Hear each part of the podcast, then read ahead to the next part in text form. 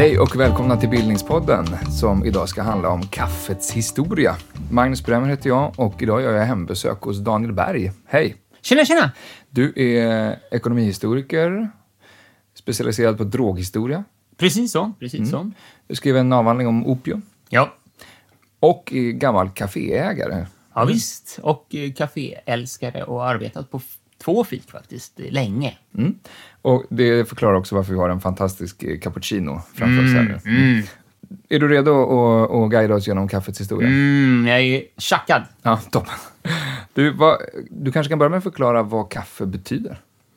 Ja, just det. Etymologin sådär. Den sägs komma från arabiskan kaffe. Jag kan inte uttala det, men vilket i sin tur betyder vin på arabiska. Det är en, Vin, okej. det är en ledtråd såklart. Ja. kopplingen mellan kaffe och alkohol har varit eh, en pardans genom historien. Så redan i etymologin ser man den här kopplingen. Att araberna benämner det de inte får dricka för någonting annat. De får inte dricka alkohol eh, om man är en rätt rådig muslim. Och då kom kaffet för den kulturen att fylla en, liknande, en vinliknande funktion helt enkelt. Det var bara så att man, man använde det ordet eh, som ett slags eh, täckmantel. Jag är inte säker på varför de började kalla den här nya svarta brygden som inte alls smakar vin som vin. Då. Men det finns en förklar eh, det finns ju anekdotiska berättelser om när kaffet kommer till olika furstar och olika samhällen i Arabien. Då. Då får man ju ta det med en nypa salt. Det är ju berättelser, eh, anekdoter, eh, historiska källor.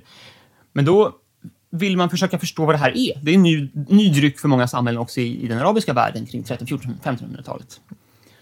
Och då tar man väl det ord som man känner till är en rusande dryck på ett sätt. Och då vill man också veta, är det här haram? Är det här okej för eh, i vår kultur? Och då har man ställt till med olika kommissioner och utrett, är det här vin? Är det här som vin? Och då är det till exempel i arabvärlden, de här debatterna att vissa menar att det här är lika illa som vin. Det här är berusande som vin.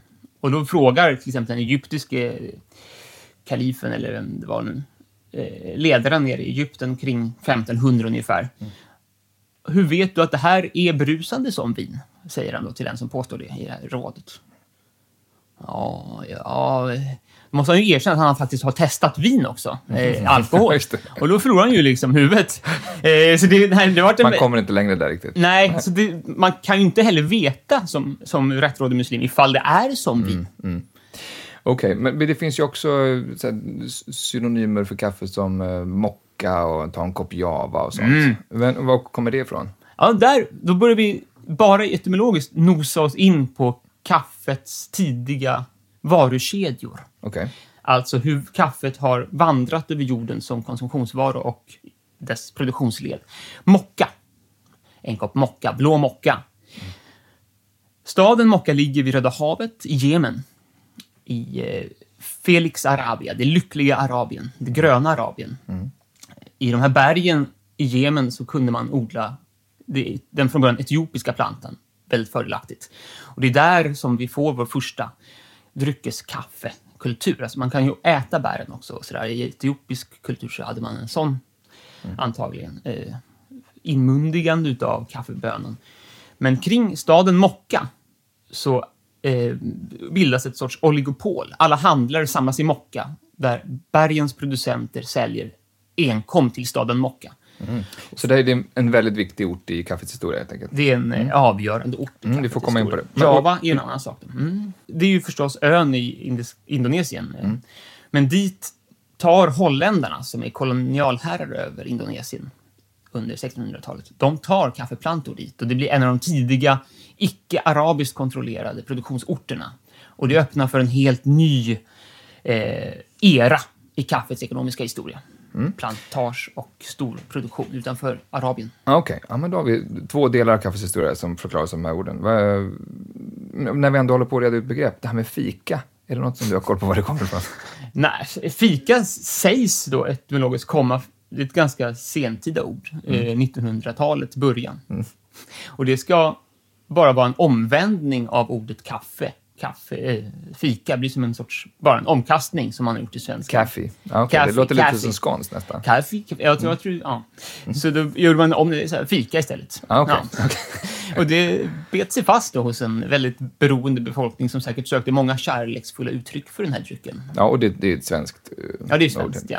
Vi- Visst är det så att svenskarna hör till de största kaffekonsumenterna i Mm. världen? Har gjort i alla fall. Det är en bitter fejd med finländarna om Okej. att eh, pimpla mest. Men det som snarare står fram, det är ju att alla de nordiska länderna är topp fem. Alla nordiska länder är topp Island. Norge, Sverige, Finland Vad- är världens största per capita-konsumenter. Som ekonomihistoriker, om du skulle ge 15 sekunders varianterna, det, vad beror det på?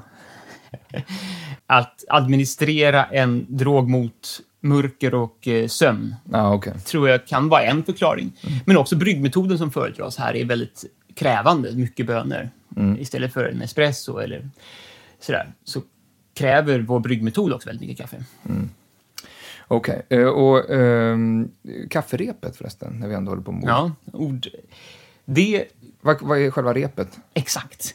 Man tror då att det här kommer från när kvinnor satt och drack kaffe hemma. De var ju oftast inte tillåtna på de tidiga kaffehusen.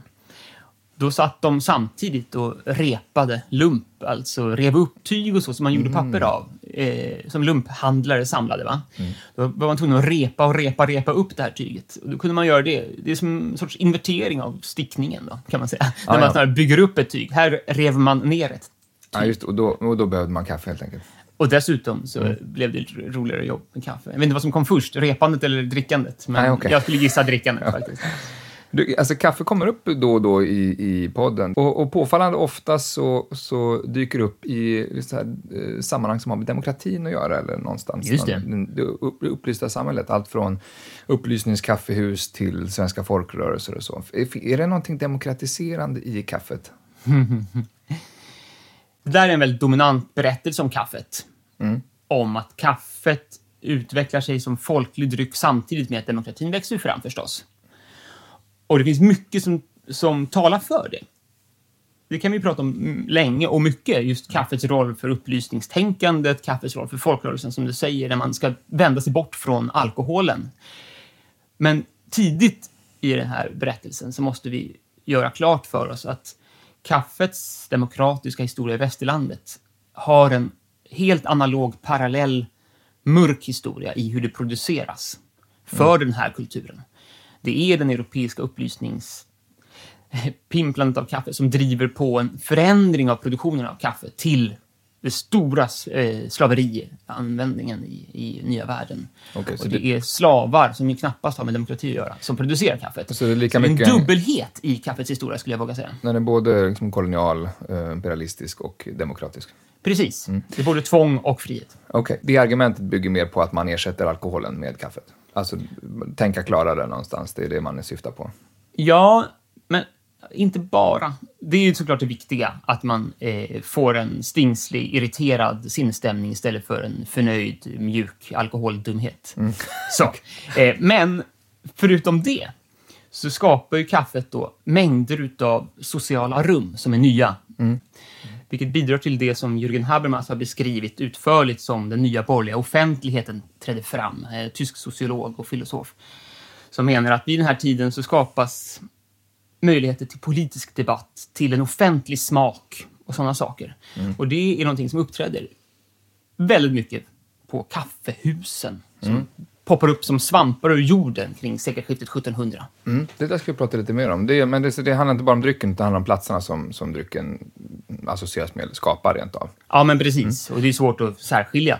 Men det finns ju också, jag menar även kring kaféet så, i den mer moderna, sen, mer sentida bemärkelsen, väldigt romantiserad eh, plats. Om vi börjar där med att du har ägt ett café. Är, är det något speciellt med kaféer? Alltså, är, är, är den överdriven den där romantiken, eller finns det någonting särskilt? Eh, fenomenologiskt så är det uppenbart att det finns. Hur menar du? Alltså, för var och en som stiger in i ett café, som är ett bra café, som sorlar av eh, disparata samtal där olika typer av människor alla får plats. Och de kan gå in för en mycket billig penning istället för en restaurang eller ett sånt mer ekonomiskt avskilt offentligt rum. Sådär. Så fenomenologiskt, när man stiger in på en sån plats där det här samtalet äger rum, så tror jag alla upplever någon typ av rus. Ett socialt rus som föregår koffeinruset. Och, det, och, och- och, just det där har, det hänger ihop med den, här den demokratiska tanken om kaféet. Det fanns redan i kaffehusen väl? Ja, men verkligen. Och nu kanske jag då är färgad av min kärlek till kaffe och kaféer. Men jag menar att det där är någonting som inte på samma sätt uppträder i andra lokaler. Så okej, så romantiken är berättigad med andra ord. Ja, I alla fall för mig, det är ju väldigt subjektivt. Men, Ja. men det, är, det är inte bara jag. Som du säger så har ju den här romantiken delats av författare, litteratörer, journalister och flanörer Ja. Mm. i i alla fall 250 år. Om vi fortsätter det subjektiva med en fråga till innan vi går tillbaka till liksom, historien. Eh, du, serverar cappuccino här idag. Den, det finns ju massa olika kaffekulturer också. Är, skulle du, är, är den italienska den främsta enligt din mening? här? Certo. Men eh, det, det där är ju också en spännande fråga vad man föredrar för bryggningsmetod. Kan, jag tycker ju som så många att, eh, att trycka kaffe väldigt fort, mekaniskt, eh, väldigt hög temperatur genom kaffe, det gör ju att man får alla aromatiska ämnen, men mycket färre utav de större moleky- molekylerna som ofta är bittrare och oljigare. Så att en espresso är ju den snabbaste bryggmetoden och därför blir det mest av de här flyktiga eteriska ämnena och minst av det som förut kallades garvsyror, men det är förstås inte garvsyror. Det, vadå, det kallas inte garvsyra längre. Det kallas väl garvsyror, men det finns inte. Men det är ja, större och skadligare, jobbigare molekyler som smakar bittert och så. Det Så att, man har svårt för, eh, att man har en mage som har svårt för garvsyra, det, det, det kan inte stämma medicinskt. Jag tror inte att medicinare idag skulle använda begreppet garvsyra, okej. men jag tror att själva beskrivningen fortfarande stämmer. Okej, jag tror vi släpper det. Vi tar upp det i ett annat ämne. Ja, okej. Men du, eh, kaffets vagga ligger alltså i den arabiska världen, som du förklarade. Eh, kan inte du ta oss dit? Ja. Kaffets ursprung. Då, igen då, får jag säga att man lätt förbiser att det här är en afrikansk eh, vara från början. Okej. Och att det är afrikanska slavar som producerar det. Det här är underligt att det är liksom det glider undan vår historieskrivning, att det blir en arabisk dryck. För att det är, som jag sa, i Mokka och när det uppträder en kaffekultur på det här sättet, framförallt i de historiska källorna. Va? Men det är alltså ett träd från Etiopiens högland. Så att det transplanteras till Jemens högland. Och när det under 1400-talet börjar sprida sig därifrån till den arabiska världen, som du säger, till den stora världsekonomi som är den arabiska världen den här tiden. Då sprids den i tre riktningar. Via handelsmännen här i Röda havet. De är ju några av världens rikaste eh, handelsmän vid den här tiden. För de kontrollerar handeln till Indien, till Egypten och upp mot Europa. Och det är också i de riktningarna som kaffet sprids. Det är ofta indiska handelsmän i Mokka som köper mycket kaffe till Indien. Sen är det en annan varukedja som löper mot Alexandria, Kairo, den enorma egyptiska arabiska marknaden och säkert Nordafrika. Och sen så en tredje varukedja som etablerar kaffekulturen i den kosmopolitiska världsstaden Konstantinopel, eller Istanbul, förlåt. Men, okej, men så att den första koppen kaffe, den, eh, den dricks i Etiopien sannolikt? Ja. Vad man börjar brygga är svårt att säga. Alltså, Mm. Men det är själva bönorna? Mm. Bönorna däremot är från Etiopien, exakt. Så är det. Men bryggandet av kaffe, det här rostandet av kaffe, som vi så tar för givet, Mm. den uppfinningen, den uppträder för oss i alla fall som en arabisk dryck i Jemen. Okej. Och bara för allting klart, vad, vad sitter de här bönorna på egentligen? Ja, just Om man det. undrar det. Det är ju en buske egentligen. Mm. Eh, och precis som bananen inte är en frukt utan en böna, så är kaffebönan inte en böna utan ett bär. Okej. Men, ehm, och, och, eh, och, och eh, vid den här tiden, eh, om det är den arabiska kaffekulturen, då börjar liksom rostningen, har, vi- har vi malning av bönor Mm. Ja, visst. också? Ja, Ja, mycket av det vi känner igen idag uppträdde då. Okej. Det man gör då, man, man kokar kaffet. Men, eh, och man dricker också ofta upp sumpen som anses vara medicinskt verksam. Som man gör fortfarande idag i, i Turkiet, så kokar man det tre gånger. Va? Den ska sjuda tre gånger. Och sen så serveras det i små, små koppar och gärna med socker, vilket var en enorm lyx vid den här tiden också. Så det här är en, någonting man dricker i små kvantiteter och som en, en ganska exklusiv dryck. Men som under 1400-1500-talet sprids till köpmannaklassen och lite bredare borgerliga lagren i den muslimska världen, arabiska världen. Men om, om man varit i Istan- i Istanbul och druckit en kopp kaffe så hör man, förstår man att det är ganska likt den Ja, där man tror att det- 1400-talsversionen. Har bestått ungefär i den formen. Och v- var dricks det här kaffet? Det som är spännande, exakt ja. Kaffet sprider sig i den arabiska världsekonomin som det senare ungefär kommer göra i den västerländska, vilket är intressant. Alltså, det etableras först som en medicinsk mystisk dryck av, med, som tillskrivs många eh, egenskaper av, av fantastiska slag. Och i den här vevan så tar suferna, den här mystikreligionen inom islam, sig an kaffet och använder det eh, för, att, för uppenbarelser, för säkert för eh, sömnberövning skapar vissa hallucinatoriska tillstånd och sådär. Så i den här miljön så blir kaffe tidigt en sorts subversiv dryck för grupper som är liksom lite utanför makteliten. Och det skapas tidigt en, en konflikt mellan eh, mullorna och de till sultanen eller kalifen knutna maktskikten och den bredare folkliga borgerligheten, handelsmän och sånt. Det uppstår kaffehus som i den arabiska världen är eh, in, enligt vad jag har läst, inte har lika mycket offentliga rum. Inte har restauranger, finns inte, det finns inte tavernor, alkoholen är förbjuden. Och de offentliga rum som finns är religiösa. De är ju kring moskén. Så kaffet här erbjuder också en sorts sekulär plats för att diskutera breda samhällsfrågor. Och det här är det som oroar de arabiska ledarna. Så och det är därför- verkligen en eh, väldigt unik plats i, i eh, liksom den urbana kulturen vid den här tiden. Ja, en, en av de unika platserna i alla fall, alltså i den här riktningen. Och, och eh, den fyller den funktion som också kaffehusen gör sen i Europa. Att oroa socialt, oroa politiskt. Vad är det man, vad är det man främst är oroad för? Ja, när man inte som i en moské kan kontrollera samtalet och leda det moraliskt. Och när folk sitter och tjattrar höga som hus på koffein och är irriterade och vågar yttra sin irritation och kanske till och med förhöjs kognitivt till att sätta ihop eh, prickarna, eh, connect the dots eh, politiskt, så kan det då, eller det upprör makthavarna och de förbjuder kaffet flera gånger. Mm. Okej, men här finns redan, alltså apropå den demokratiska Ja, linjen visst. som vi får följa, det finns ju en, en det finns ju uppenbarligen redan här. Mm. Jo, jag tror att man kan säga det.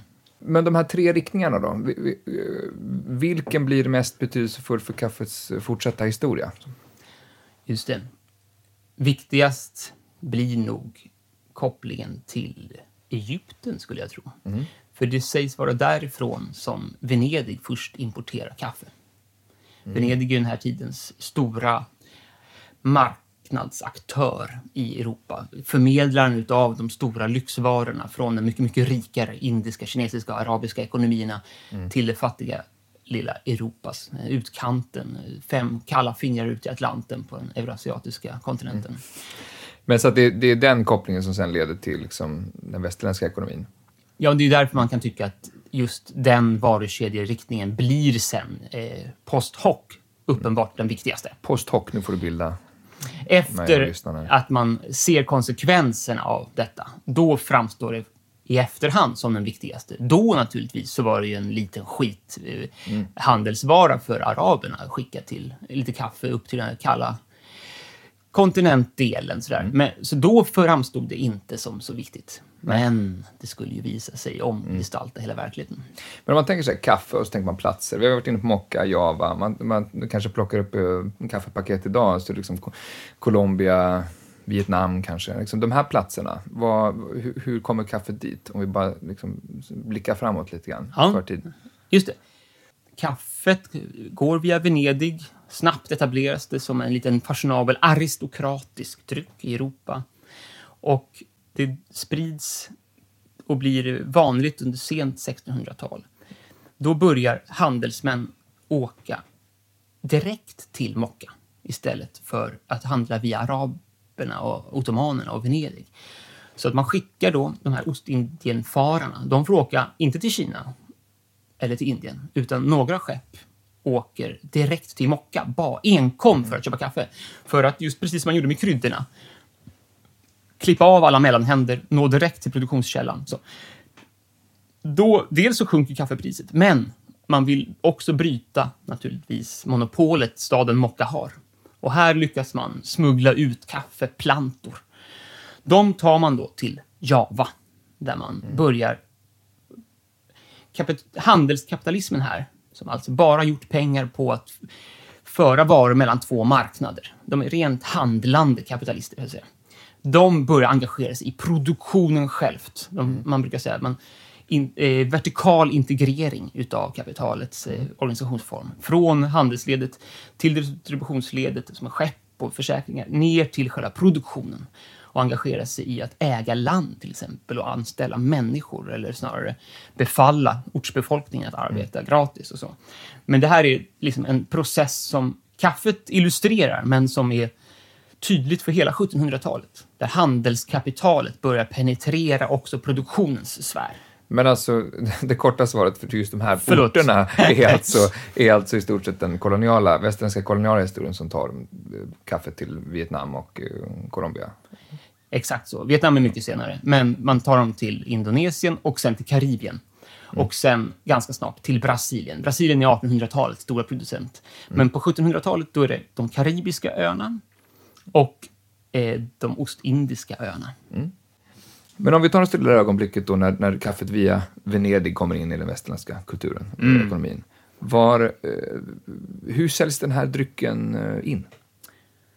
Just det, det är, den följer ett mönster för drogernas eh, introduktion i olika nya kulturer. Som att den går genom en sorts faser av eh, betydelser i en kultur. Först introduceras kaffet som en medicinvara.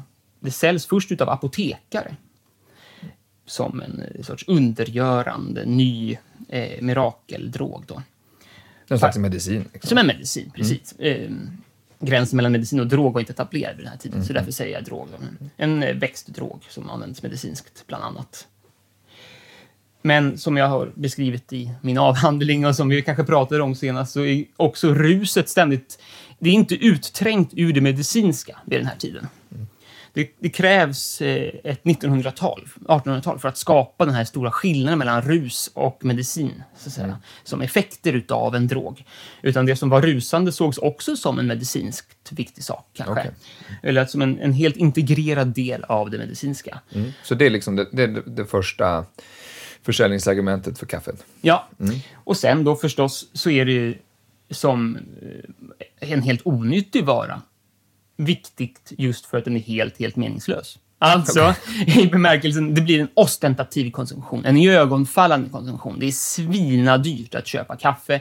Det här är en dryck som kommer långt ifrån från Arabien, som också vi vet är enormt rikt och sofistikerat vid den här tiden. Det här är ju långt innan den vetenskapliga rasismen och orientalismen. Det här är ju en tid när ett av Sveriges första apotek heter Morianen. Inte för att det är pejorativt nedsättande, utan för att det är någonting lockande, exotiskt, rikt, dit, dit man längtar.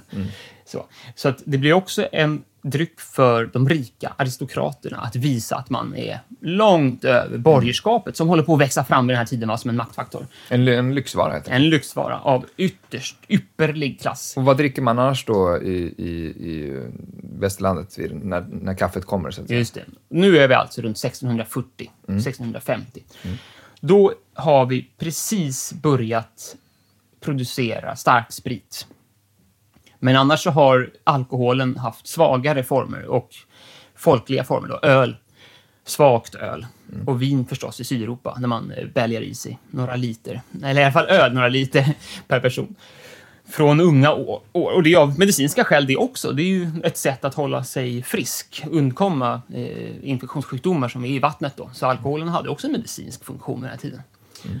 Kaffets introduktion här, den ser ut att bara av en slump sammanfalla med produktionen av starksprit och introduktionen också av te och kakao och så.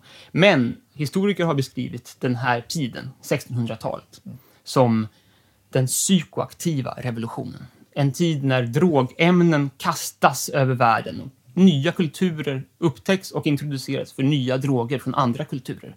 Så det är en sorts omvälvande tid psykoaktivt och psykologiskt gissningsvis därför. Så kaffet ingår i den här berättelsen.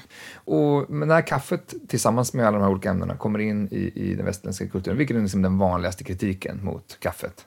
Den första tidiga kritiken är medicinskt anknuten.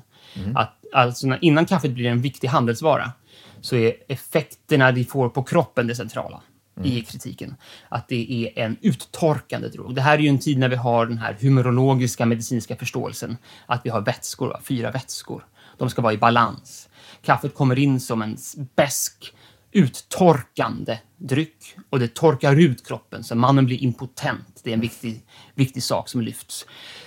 Det där blir... I mo- motsats till alkohol då? Ja, är som är frodig, eh, fet, uppmjukande, glädjefylld och kvinnlig faktiskt. Det, det, det svarar mot en sorts kvinnlig eh, sexualitet. Medan kaffet då är den här torra intelligentian, det cerebrala, det uttorkade, analytiska tänkandet. Allt det här, det är ju så kul med humorologin för att det sätter samman enorma sfärer av vetande och förståelse till en vätska. Men just det här att man blir impotent och eh, helt förlorar sin libido med kaffe. Det används ju som en, ett angrepp på kaffet. Men, det är så skojigt, genast bejakas det av puritaner. Så, mm, perfekt! Nu slipper vi slipper den här skiten. Nu kan vi ju tänka istället för att ha sex. Så Okej. det blir genast en sorts, eh, ja, en judoartad reaktion på det här. Ja visst, vi bejakar det. Och där har vi det här rationella fröet också. Vi får komma in på det. Eh, Men vilka är de stora liksom, eh, konsekvenserna av att kaffet träder in i den västerländska kulturen? Alltså dryckeskulturmässigt, socialt, politiskt så. Ja. Oj, Det är en många. stor- det är en stor ja, fråga. Men det, vad som är, om man ska eh, hårddra det, Mm. så den effekt som uppstår med att kaffedrickandet introduceras under sent 1600-tal och sprids till bredare borgerliga lager under sekelskiftet 1700 och kaffehusen exploderar i antal under årtiondena efter 1700 det är att man får en helt alternativ plats att vara på, en helt alternativt psykoaktivt ämne att tas till sig och i det offentliga, än alkoholen. Och det är så samtiden förstår det också. Det här är ett alternativ till alkoholen. Och om det är knutet till farmakologi och fysiologi eller om det har med eh, klassernas kamp att göra, är borgarna redan från början ville vara nyktra och bara få en ursäkt med kaffet. Det må vara osagt. Men tidigt förstås det som en nykter dryck och här på de här kaffehusen uppstår borgerlighetens alla viktiga institutioner. Kapitalismens själva eh, institutionella nav etableras i intensiva kafferus. Ja, men det är, väl, det är läge att komma in på kaffehuset som eh, företeelse. Eh, men vi kanske behöver en till kopp kaffe förresten. Det behöver vi verkligen. Absolut. Ja, ja.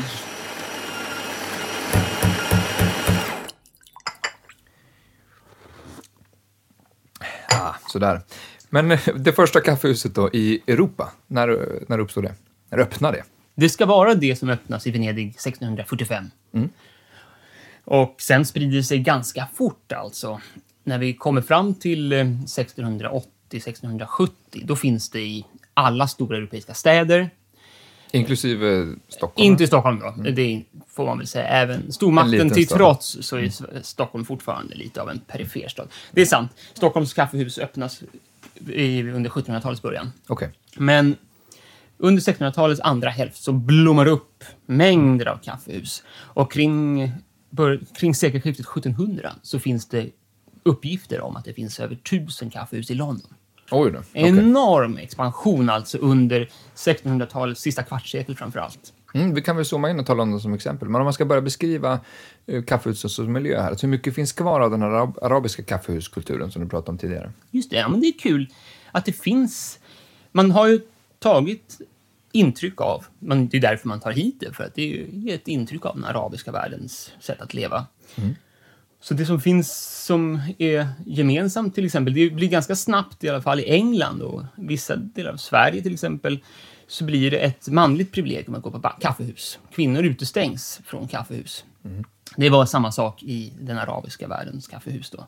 Så det är en likhet. Sen så är det ju också en plats där man för de här debatterna, men också en sorts eh, måttlighet då. En sorts en plats där man försöker fostra en återhållsamhet, måttlighet, nykterhet är centralt för den här rusande drogen. Att den kopplas, paradoxalt nog, den här drogen blir symbolen för nykterhet. Och det är också naturligtvis något gemensamt från den arabiska världen. Eh, Kampen mot alkohol. Sen så har vi... Men är det är, är nykterhet som begrepp, är det, säg Nej. något om vilken förståelse man har för det Det, det blir tiden? lite anakronistiskt förstås. Eh, sober, sobriety finns kanske i, i vokabulären, men det man talar om framför allt, det är ju måttlighet.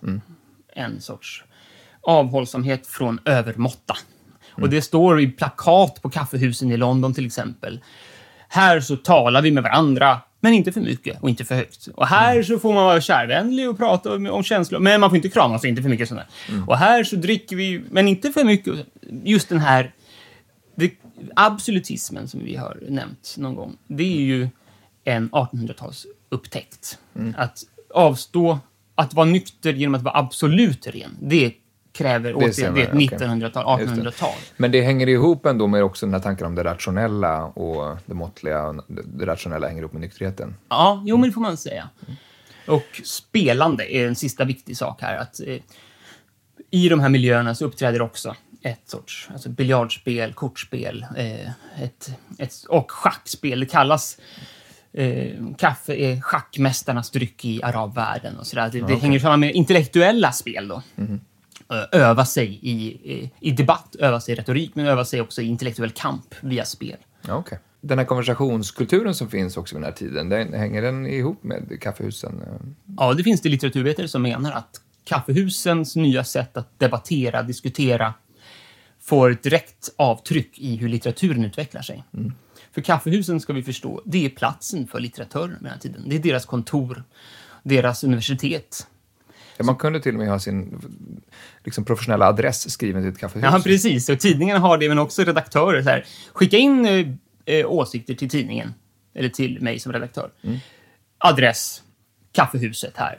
Så. Mm. Men du, du sa ju det här nu, att kaffehusen ger upphov till en mängd olika typer av institutioner. Kan du ge lite fler exempel på? Ja, men visst. För där, där blir det väldigt övertygande, den här, om man så vill, Habermaska idén om offentligheten. För exemplen är så ögonfallande starka. Särskilt för en ekonomhistoriker så har den här tiden, 1688 framåt, 1694, Bank of England. Bank of England, varför den speciella? Oj! Det är den mest framgångsrika första centralbanken som garanterar statslånen för England och gör att räntan för den engelska staten sjunker drastiskt i relation till andra starka makter, vilket gör att engelska statsmakten stärks, kan finansiera krig över lång tid utan att gå bankrutt. Och det är, menar många, en av de huvudsakliga anledningarna till att England växer fram som stormakt och slår ut Frankrike, slår ut Holland under 1700-talet. Men har bankerna koppling till kaffehusen? Ja, om jag ska ta några exempel då. Mest berömt är exemplet med Lloyds Coffee House. Det är alltså ursprunget till dagens försäkringsbolag Lloyds, världens största sjöförsäkringsföretag. Men det är väldigt typiskt för hur kaffehusen blir som särskilda platser. Var och ett av kaffehusen samlar sin unika ekonomiska publik. Så på Lloyds samlas då kaptener, fartygsägare, redare och sammanträffar för att höra om olyckor, för att sammanställa nyheter från olika ställen, men också för att träffa försäkringsmän då, den första, första tidens eh, finansiellt liksom, välbärgade borgare som kan ta på sig uppgiften att försäkra mot sjöolyckor. Men går de då till särskilda kaffehus? Ja, de går till Lloyds. Ja, de går just till Lloyds. Ja, bara dit. Så Lloyds börjar ge ut Lloyds News, som är en sorts fin- ja, försäkringstidning eh, tidning, eh, med nyheter. Och på Lloyds Coffee House så börjar försäkringsmän hyra in sig. Så de har ett bås eller en stol på Lloyds Coffee House. Och den här, bara att hyra ut de här platserna på Lloyds börjar dra in mer pengar snabbt än kaffeförsäljningen. Det är bara ett av exemplen. Och sen så förstås då utveckla Lloyds till, till att ja, för, eh, försäkra hela den brittiska handelsflottan och sen världens och bli ett clearinghouse för försäkringar världsvid. Så. Så det här är idag, att man pratar idag om coffees och sådana här grejer, att man arbetar på café, kanske som frilansare eller så. Just det. Eh, det, det är väl, Det är, knappast en ny gammalt datum. Nej, Ja, det är sent 1600-tal. För Ja, okej. en annan sak som händer på kaffehusen som vi varit inne och nosat på, det är just att literatörer, journalister, det här är den första tiden med tidningar, som sagt, eh, eller magasin, sådär. The Spectator, eh, The Grecian, Coffee House blir platsen för de här tidningarna för den nya skönlitteraturen. Romankonsten växer fram. Och också den här bitande pamflettlitteraturen får sin nya former på kaffehusen. Fanns det särskilda kaffehus för det också då? Ja, ja precis. Ehm, jag fick läsa att Buttons Coffee House, det var ett plats där de, en, många litteratörer samlades. Medan The Grecian, där har eh, han, redaktören för The, eh, The Tattlers, han har sin redaktion på The Grecian. Och han beskriver i, i sin första numret av The Tattlers, som är en sån tidig tidskrift, hur hans tidning, som han ger ut då, har rubriker satta för nyheter från var och ett av kaffehusen. Så han skriver så här att på Whites Coffee House, där får man uppgifter om nöjets och underhållningens galanta värld. Och under rubriken The Grecians så får man vanliga nyheter under, ja, i allmänhet om staden. På St. James Coffee House så får ni nyheter om någonting annat och sådär. Så varje rubrik är ett kaffehusprat. Exempel. Så det är verkligen informationsnoder också Ja, i visst. storstaden? Det är här tidningarna börjar publiceras. Ti- vad som tidas. Det är det man... För man inte har någon plats innan så måste man ju gå till ett rum där det pratas. Och då blir kaffehuset synonymt med det här rummet och som sen blir tryckt nyhet. Så att det är liksom den framväxande borgerligheten och kapitalismens eh, liksom, institutioner växer verkligen fram. Ja, mycket mer än så här. Alltså, vad det gäller kapitalismen så har vi till exempel på The Jerusalem Coffee House. Där samlas eh, East India Companys direktörer och aktieägare och har, alltså det blir som en sorts eh, bolagsrum. Så aktiebolagens styrelse har sin plats på det här kaffehuset till exempel. För de behöver ju också en, en plats för att eh, föra sina konspirationer, hur man ska sälja opium till kineserna och hur man ska erövra Indien och så vidare. Eh, och naturligtvis, ironiskt nog, börjar importera mer och mer te till Europa. Så på Coffee Houset Jerusalem så börjar kaffet i England undermineras av teimportörerna i Ostindiska kompaniet. Eh, men också Börshuset i England utgår från Jonathans och Garraways två kaffehus. Så börshandeln, aktiehandeln, växer fram på kaffehusen också. Då. Så det, det finns mängder av de här sakerna som kan knytas ganska specifikt till olika kaffehus. Samma sak med The Tillyard Coffee House, där vetenskapsmän samlas. Det kallas också, de här kaffehusen, eh, Penny Universities. För en penny så kan du köpa dig inträde i det akademiska vetandet. Så du köper en kopp kaffe för en penny och sen så får du höra tidens stora intellektuella debattera den senaste vetenskapen. Och Newton är där och eh, Haley är där. Alla är där. Det låter onekligen väldigt kul. Ja, eller hur? Det är inte riktigt som dagens eh, snabbkaffekedjor. Men alltså, eh, just Penny, bara, det syftar också på att relativt många i den här borgerligheten hade möjlighet att betala just en penny för att komma in. Så att säga. Precis, exakt det är poängen. Att kaffehusen blir förvisso ett borgerligt rum, men ett lågborgerligt rum snabbt. Ett, en plats dit eh, vanliga hantverkarmästare och sådär kunde ta sig rum. Och det står också uppsatt på planscher och sånt. Här behöver ni inte resa er upp för en adelsman. Det här är inte en plats för eh, distinktion mellan klasserna. Här blandas vi. Det är väldigt uttryckt som en, ett demokratiskt rum på det sättet. Eh, frånsett att kvinnorna då inte får ingå. Ja, just det. Och, och, men visst var det väl här också en vanlig plats för bordeller? Ja, eftersom det är offentliga rum och offentliga kvinnor vid den här tiden för givet tas vara prostituerade så blir också kvinnor på kaffehus snabbt associerade med prostitution.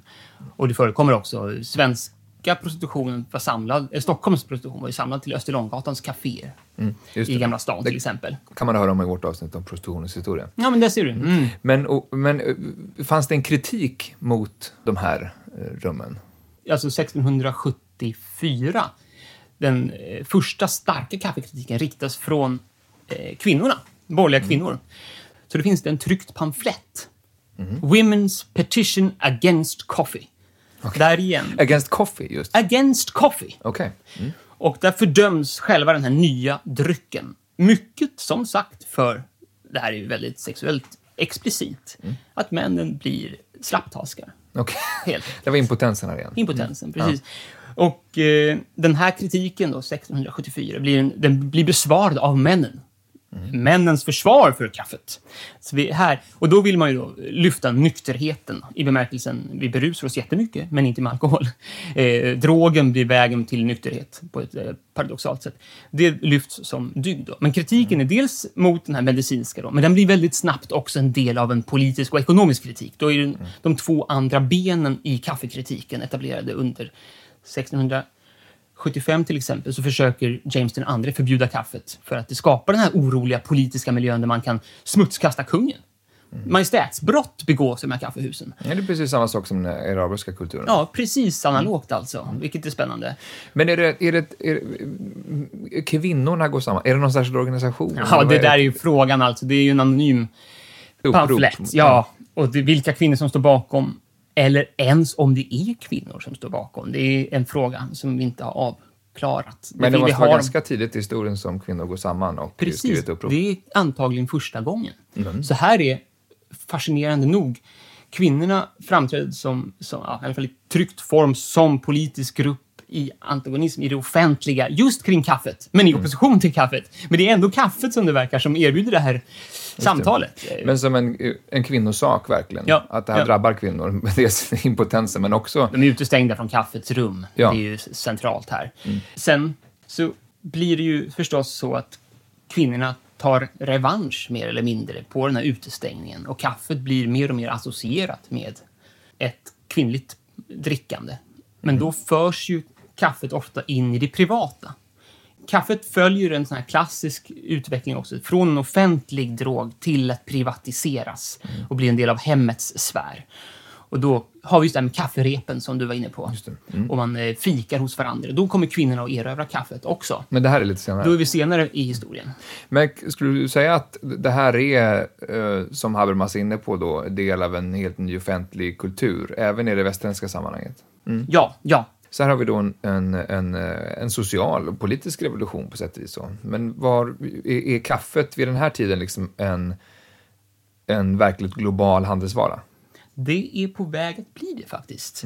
Under tidigt 1700-tal så etableras då de här plantagerna och då spänns ändå världen in i en sorts globalt omfattande handel. Alltså från Karibien och Brasilien sen hela vägen till Indonesien.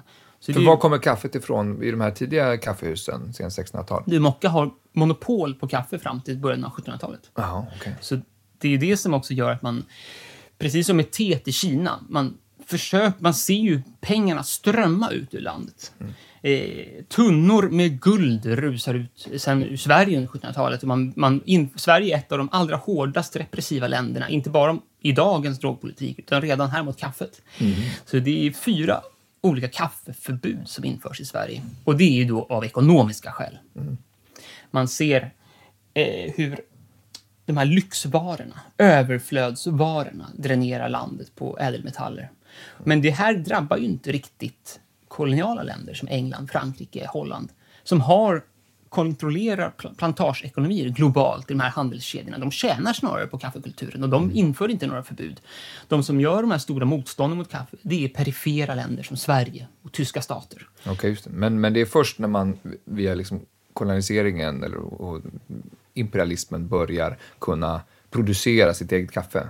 Det blir. Exakt. Det, och det är den anledningen till att man också försöker knycka kaffeplantor och gö- göra plantager utomlands på, i de här kolonierna som de här eh, stora kolonialländerna gör. Då. Det driver ju också på koloniseringen faktiskt. Inte bara socker, inte bara bomull, utan kaffet har sin plats här i den här berättelsen om kolonial expansion, verkligen. Men alltså, fi- finns det någonting i kaffet som produkt eller som vara som gör det just extra lämpligt för den här eh, globala kommersialiseringen? Just det där är en superkul fråga. För att det berör droger som vara generellt. Man tänker sig att droger är den perfekta kapitalistiska varan för att det packar så mycket begär eller rus eller upplevelser i en så liten viktenhet som möjligt. Och ofta då väldigt lätt att eh, förvara över tid. Om man tänker sig att kapitalismen behöver kunna använda prisskillnader mellan olika marknader och därför behöver kunna förvara en vara i väntan på högre pris. Där också så är drogerna perfekta handelsvaror. Därför är det som paradox att många droger förbjuds just inom kapitalismen. När det är en sån perfekt vara. Möjligen finns det i den här motsättningen mellan olika drogvaror och kapitalismens imperativ att sälja begär så mycket som möjligt. Just i den här relationen mellan att det är perfekt och det är för perfekt så Men- finns det en dynamik. Men det har vi lämnat kaffet. Men, men, alltså det, men just det att man kunde, man kunde förvara kaffebönor väldigt länge och sen och skapa dessa lager. Liksom. Ja, det är en, sen så, det är en viktig funktion som kaffet har som är, är väldigt nödvändig för att kunna skapa en stor kapitalistisk handelsvara, så att säga. Sen så har du också att kaffet är... Du kan inte själv producera det i konsumtionslandet. Så det behöver en, en handlande mellanhand. Det är avgörande för att skapa handelskapitalismen förstås. Och det kan också vara fördelaktigt att kaffeträdet är ganska skört i ekologiskt. Det gör att du får större fluktuation i skörderna. Kaffeträdet är också, precis som äppelträdet, en, eh, någonting som ger skörd varannat år. Paradoxalt nog då kan man tycka. När en vara kan produceras mer cykliskt och periodiskt, då öppnar det sig igen luckor för profit för den som har sparat. För den som kan tillse eh, ett överskott i ett plats där det nu rå- råder brist. Så alla, när, om man kunde producera en vara helt, helt, helt, helt jämnt över eh, minut för minut för minut, då finns det mycket mindre möjligheter till extra profiter för de som spelar mot marknadernas återkommande brister. Just när då efterfrågan blir extra stor under sånt här torra år så, Jaha, ja, precis. prov, Ja, så precis. kunde man sälja liksom- högre pris. Dåligt för konsumenten och för producenten, men väldigt bra för den handlande mellanhanden. Ja. Och, och eh, hur hänger slaveriet, som du varit inne på, ihop med det här? Alltså i vilken, i vilken ordning kommer Just allting? det. Direkt så eh, börjar kaffeplantager upprättas med slaveriarbete under tidigt 1700-tal. De som gör det på andra sätt är holländarna i Java. Så dricker man en kopp Java, då drack man inte slavkaffe. Okej. Eh, Men om man drack eh, från Martinique eller från Jamaica i de franska och engelska besittningarna, då var det slavproducerat kaffe. Och sen ska vi komma ihåg att när kaffet blir en bredare arbetarklassdryck under tidigt 1800-tal och framåt, då är det så att kaffeproduktionen måste öka enormt förstås för att den här breda gruppen av nya konsumenter ska inkluderas i kulturen. Det gör att slaverianvändningen i Brasilien, som producerar upp mot 50 procent, mer än 50 procent av världens kaffe under 1800-talet, det är en stark kraft bakom att Brasilien är det sista landet att avskaffa slaveri. Så kaffe har den här historien med att underblåsas slaveriplantagerna. För, för att det är så 1700-talsfas. lukrativt så, så, så, så vill man inte eh, avskaffa slaveriet för att det bidrar så starkt till det. Så att säga. Ja, och det är en väldigt arbetskraftsintensiv produktion. Eh, kaffe ska gärna, om det ska vara högkvalitativt kaffe, så ska det handplockas. Du kan ju göra som med oliver och bara ha en maskin och skaka loss allting, omogna som mogna bär. Så det finns olika sätt att skörda och producera kaffe. Men vid den här tiden så ville du gärna, eh, som finkaffe gör idag, plocka mogna bär bara. Så då blir det väldigt kaffe, eh, arbetskraftsintensivt och då lönar sig slaveriet generellt. Finns det andra spår som kaffeindustrin sätter på liksom den globala världsekonomin? Kaffeplantan är ju tropisk. Eh, höglandstropisk. Den behöver vissa omständigheter. Så den skapar, bara genom sina krav på var den kan planteras, så skapar den en nord-sydlig relation. Nordliga konsumenter och sydliga producenter är liksom inbyggt ekologiskt i kaffeplantan. Som i så många av de här tropiska lyxvarorna. Och det är ju en avgörande sak för dagens handelsmönster fortfarande. Att det blir råvaruproducenter i syd och i tropikerna och att det blir industriproducenter då i nord. Så den- här enormt viktiga strukturella skillnaden, den har ju också sin ek- ekologiska förklaring. Och i kalla, mörka Norden så behöver vi kaffet extra mycket, Dessutom, och då är vi inne exakt på vad kaffet erbjuder för arbetarklassen och industrialiseringen generellt. Det har ju varit ett ämne som vi har pratat om i forskningen mycket. I de här sätten att förhålla sig till maskinen som inträder under 1800-talet. Man måste börja lämna en cyklisk tidsuppfattning, en säsongsbetonad eh, rytm i sitt arbete och måste börja följa en mekanisk tid. En tid som också globalt bestäms till Greenwich. Allting blir homogeniserat, standardiserat och du ska arbeta tre skift uppdelat eh, eh sådär. Du måste kunna hålla dig vaken och hålla dig i takt med maskinen. Ah. Den naturliga rytmen i kroppen blir inte längre det bestämmande. Det kan inte vara bestämmande som på åken. Utan här måste du följa maskinens rytm. Du alieneras från kroppen och naturen. Så när, när där da, blir- dagen är, är längre så arbetade man också längre? Ja, precis. Det är ju så att när de första industrierna inrättas så är det väldigt svårt att få arbetarna att komma till fabriken innan det blir ljust. Men det är också så att de kommer för tidigt när det är sommar. Så då kan arbetarna stå klockan fem utanför fabriken och undra varför det inte är öppet. Och så kan de inte komma förrän klockan nio på vintern. Men det krävs alltså dels en fabriksvisslans disciplinering. Man bygger arbetsbostäder nära fabrikerna för att kunna hålla dem till den här mekaniska rytmen. Men här ingår då den massiva nya användningen av koffein som psykofarmaka för att stå ut med industrialismens takt. Det är väldigt tydligt att kaffet, koffeinet och teet i Englands fall blir en masskonsumtionsvara för breda arbetarlager just när de ska in i den här mekaniska tiden. Så det blir ett bränsle för industrialiseringen? Verkligen. De- Dels från ett handelsperspektiv, men också för att disciplinera våra kroppar. Men, men är det så att, jag menar, idag kan vi få i oss koffein på en massa olika sätt. Mm. Är det så, börjar det, finns det en separat koffeinhistoria här eh, från kaffets historia? Ja, just det. Det är bra. Väldigt bra fråga till en droghistoriker. För ett perspektiv på det är ju att kaffet och dess smak är oväsentligt. Det som är centralt här, det är hur eh, djur med en viss metabolik i hjärnan behöver kolvätekedjor och missbrukar eller brukar olika alkaloider, eh, kolvätekedjor med kvävegrupper på för att förändra sitt, sin rörelse i rymden. Så men i, man- i, klarspråk först, vad innebar Förlåt. de där kedjorna? Ja, alltså molekylen eh, kolvätekedjor, alltså Mm. som vi äter. När vi säger kolhydrater, det är det kolväte. Men är det en rusande effekt eller en, just en, det som gör oss piggare? Nej, jag menar bara att om man ser på människan utifrån ett kemiskt, fysiologiskt perspektiv, då är maten vi stoppar i oss vetebröd. Det kan man reducera till kolvätekedjor, alltså okej. kolhydrater. Och på samma sätt så kan man reducera dryckerna vi intar till dess kemiska formel. Det vill säga de här alkaloiderna ofta, alltså, som är en, en, en molekyl med en kvävegrupp som oftast påverkar vår sinnesstämning. Då. Okej. Om man reducerar världen till kemi så är ju kaffets historia helt oväsentligt, utan det som framträder istället det är koffeinets infiltration av våra kroppar för att sätta en ny rytm i rörelse, ett nytt tänkande i, i, i rörelse också. Men när, när börjar man kunna dricka andra drycker eller ta andra substanser för att få i, eller, Ja, men- eller på, an, på annat sätt få i sig koffein? Eh, ut, när, utöver kaffet, så att säga. Just det. Kaffet är inte ens först här, utan koka hos eh, eh, mellanamerikanska indianer har ett koffeinliknande ämne, ett koffein helt och hållet, som också är rusande och uppiggande.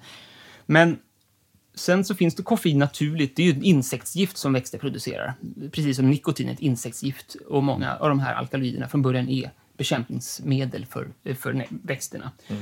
Men då är ju då teet ytterligare en sån helt analog berättelse om att få i sig koffein. Och sen när vi kommer fram till 1800-talets slut, redan i mitten av 1800-talet så har all, eh, apotekare lyckats isolera och framställa rent koffein. Och då är vi framme verkligen i den andra fasen i den psykoaktiva revolutionen. När farmaciindustrin går in och producerar smaklösa, rena, tunga eh, eh, varianter av gamla växtdroger. Det händer ju med opiumet och morfinet till exempel. Men det händer och gör att Coca-Cola kan tillverkas, Pepsi Cola, de olika nya nykterhetsdryckerna kan pumpa i psykoaktiva ämnen som kokain och koffein för att hindra oss från att ta andra droger. Mm, Och det leder oss lite grann till, leder oss osökt till Sverige och eh, folkrörelserna där det ju ofta sägs att kaffedrickandet eh, var liksom avgörande för folkrörelsens framväxt och så vidare. avgörande kanske är att ta i, men du har helt rätt i att det finns en sorts nästan libidinös koppling mellan nykterhetsrörelsen och den här berusningen. Som är väldigt kul. När man- Erotisk menar du i stort sett? Nästan en erotisk koppling. Det är, det är som att de i sitt försök att slå sig fria från kroppen och dess njutningar, eh, om man är frikyrklig och sådär, folkrörelsen eh, dess ena ben av de här tre benen, nykterhetsrörelsen, ky- frikyrkligheten och arbetarrörelsen, så hänger man fast vid kroppen och världen genom den här kaffetåren som man får. Och jag minns när jag läste Ronny Ambjörnssons beskrivning utav ett sånt här, eh, den arbetarklassen uppe i Norrland som försöker bilda sig och försöker göra sig nykter just. Och det är ju ett jävla supande förstås. Så när de har sina fantasimöten, de gör fantasiresor till Stockholm, så finns det uppskrivet i protokollen. En helt fantastisk beskrivning. Och vi åkte till Stockholm och drack kaffe. Och sen så gick vi där genom staden och så där bjöds det mycket kaffe. Och sen så gick vi... När de ska fantisera om vad de gör i Stockholm, de har inte råd att åka till Stockholm. Men då är det kaffe hela tiden. Det är kaffe, kaffe, kaffe, kaffe, kaffe. I varannan mening, minns jag det som. Eh, och det här är så typiskt för eh, nykterhetsrörelsen att man vill ju naturligtvis erbjuda arbetarklassen fest och glam och ett alternativt rum förstås, där de kan åtminstone ha lite kul och samkväm, men inte med alkohol. Och då faller sig kaffebjudandet som eh, vägen. Och det här är inte bara i Sverige, utan det här är eh, någonting som händer särskilt i USA till exempel och eh, England, temperance movements som sen blir absolutistiska, använder just koffeinet som väg ur alkoholen. Just det, så att, att, att, eh, vara absolutist i, någon, i en bemärkelse som skulle inkludera koffeinet, det, det ansågs i det här sammanhanget vara kört. Ja, gud ja. Det finns dock en, eh, en samtida kaffekritik också. Och Magnus Huss, som lanserar begreppet alkoholism, han skriver också en bok om kaffemissbruket som är banbrytande. Så det, När- när finns är det från, det är 1850-talet. Men eh, sen under 1910-talet så finns det en kaffekritik, men den är alltid från läkarnas håll. Eh, för att de folkliga lagren, de missbrukar kaffe som man kunde tänka sig de också missbrukade alkohol. Alltså barn, i utredningar från den här tiden så visar det sig att barn inte får annat än kaffe hemma. Eh, De får liksom inte ens mjölk. De får, de får ingen näring i sig. De bara kaffe, kaffe, kaffe, kaffe. Så man blir orolig för att eh, det här folkliga bruket av kaffet har gått överstyr. Det har blivit också ett missbruk, så att säga. Så det finns hos läkarhåll en sån förståelse av gifternas gemensamma natur. Men i nykterhetsrörelsen så är det inte lyft. Men att, men att just eh, kaffet har en så stark ställning då åtminstone i folkrörelse-Sverige, det har med nykterheten att göra framför allt. Ja, det skulle jag säga. Sen så har kaffet en, en stark folklig förankring innan de här folkrörelserna. Så att det finns mycket att bygga på redan när folkrörelserna kommer av kaffemani. Man har, när de här kaffeförbuden kommer under 1700-talet, men sista är på 1800-talet, som beror på att vi har inte råd helt enkelt. Det ram- ramlar ut för mycket pengar. Då är det sorts låtsasbegravningar som inför, man, man begraver kaffekannor ceremoniellt och gråter offentligt över att kaffet ska försvinna. Det här är liksom tidigt 1800-tal. Svenskens sunda förhållande till kaffet. Ja, det, det är väldigt emotionellt. Om, om svensken är lite tillbakadragen annars emotionellt så vågar hon yttra sig och sina starka känslor väldigt mycket för kaffet. I- alltså, idag kan man inta kaffe på en otalig mängd sätt i de flesta större städer. På, eh, man, man kan också själv köpa massa olika typer av bryggare, kvarnar, sifoner och allt vad den här tekniska utrustningen heter. Och då ska vi inte ens börja tala om alla de här väldigt dyra bönsorterna från, eh, som katter har ätit bönor och bajsat ut. Så, nej, Ja, exakt. Eh, alltså har, har, har kaffekulturen gått överstyr idag? Det där är en fråga eh, som återkommer i en tid av dekadens. En förståelse av att det autentiska bruket, det var knutet till en viss funktion. Eh, när man behövde kaffe och när man eh, hade en sorts direkt relation till den här drogen. Och sen så när man nu har gått in i en allt för rik tid så uppstår en sorts dekadens av de kulturella formerna överskrider funktionen. Det är liksom en sån återkommande trop. Jag, jag, alltså det är ju inte att det inte är sant. Det, det är absolut, klart det har gått överstyr. Men det skulle man ju kunna säga hela vår kultur har gjort. Att kultur som nästan per definition är kulturen överstyr. Så fort vi får ett överskott, vi har nått våra basbehov, så börjar det skapas kultur kring saker. Samma sak händer med alla droger, att det uppträder kanske som ett beroende eller som en funktion, man får den här effekten. Men så fort det har blivit en del av ens vardag, så börjar man förfina det här. Det börjar uppträda mer och mer helt konstiga former kring det. Det här sker inte bara med kaffet och alla bönor. Och det sker ju med mat också. Vi behöver ju bara kolvätekedjor som sagt och lite protein. Men för att vi måste ha det, vi kan inte vara utan det och vi kan inte vara utan kaffe. Så kring det här absoluta behovet uppträder därför en förfining. Och det är snarare ett tecken på en extremt eh, rik kultur helt enkelt. All kultur kanske bygger just på den här perverteringen av ett grundläggande behov. Och det här uppträder också med opiumet som jag kanske sagt. att Kineserna hade en smakkultur kring att röka opium som mo- motsvarade nästan vinkulturen i Frankrike. Med årgångar och terroir och så vidare. Och, så vidare, vidare. och det här, drogens grund må finnas, men hela tiden när den tillåts så uppträder, blommar upp en pervertering. Men det att det så blir ögonfallande med kaffet kanske också har med den här demokratiska historien och man tänker kaffet som att det är eh, kaféet har mer med umgängesformen och den sociala platsen att göra mer än kanske just den här extrema nördigheten kring exakt vilket kaffe som serveras och så vidare. Så kan det vara. Absolut. Sist måste man ju påpeka att det finns en kommersiell kraft som driver på den här förfiningen. Alltså, i ekonomin talar man lite slarvigt om, eller hånfullt om, commodity hell. Alltså när en vara bara blir det här behovet. Att sälja tvål som bara är en basvara alla kan tillverka superbilligt. Det kan du inte göra pengar på. Så det finns ett enormt ekonomiskt intresse av att skapa diversifikation av den här vanliga tvålen med varumärken och med att det här är eh, en olja tillverkad av eh, ett visst träd och gör. Samma sak med kaffet. Det finns en kommersiell logik att skapa mervärde, så att säga. En sorts eh, extra värde som du kan ta betalt för kring den här basala koffeinkicken för att orka hålla maskinens takt. Men skulle du säga, om det nu finns någonting som i väldigt romantisk bemärkelse, en traditionell kaffekultur, är den på väg att försvinna bland alla eh, kaffekedjor och allt svårare för mindre kaféer att överleva? Så vidare? Jag är ganska sympatiskt inställd till den åsikten att när mat börjar bara bli McDonalds eller McDonalds-liknande kedjor där mat produceras på ett och samma sätt så, så förloras naturligtvis någonting. När kulturen likriktas till en globalt säljbar form så utplånas naturligtvis kulturella skillnader. Men och det ser ut att hända med kaffet förstås.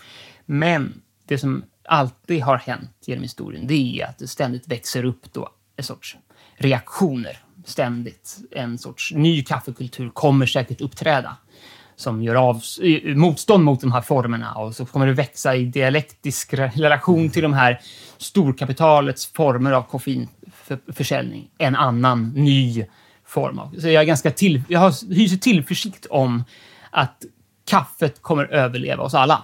Mm. Men jag menar egentligen så snart som ett, ett möte uppstår, snart som någon jobbar på ett café, så snart som nya idéer uppstår i den här miljön, om man dricker en kopp kaffe, så är väl i stort sett den traditionella, den historiska kaffekulturen i högsta grad levande. Ja, den, väx, den vaknar direkt i det tillfället, ja. Så Ja. kan man säga. Och på så sätt så eh, kommer det nog alltid finnas plats för det gamla kaffehuset i nya former. Vi tar det som avslutning. Tusen tack Daniel Berg. Tusen tack! Tack också ni som har lyssnat. Eh, Vi är tillbaka igen om ett par veckor med ett nytt avsnitt. Hej! Du har lyssnat på Bildningspodden, en del av bildningsmagasinet Anekdot. Podden spelas in på Språkstudion och ljudproducent är Kristin Eriksdotter Nordgren. Fler poddar, filmer och essäer hittar du på anekdot.se.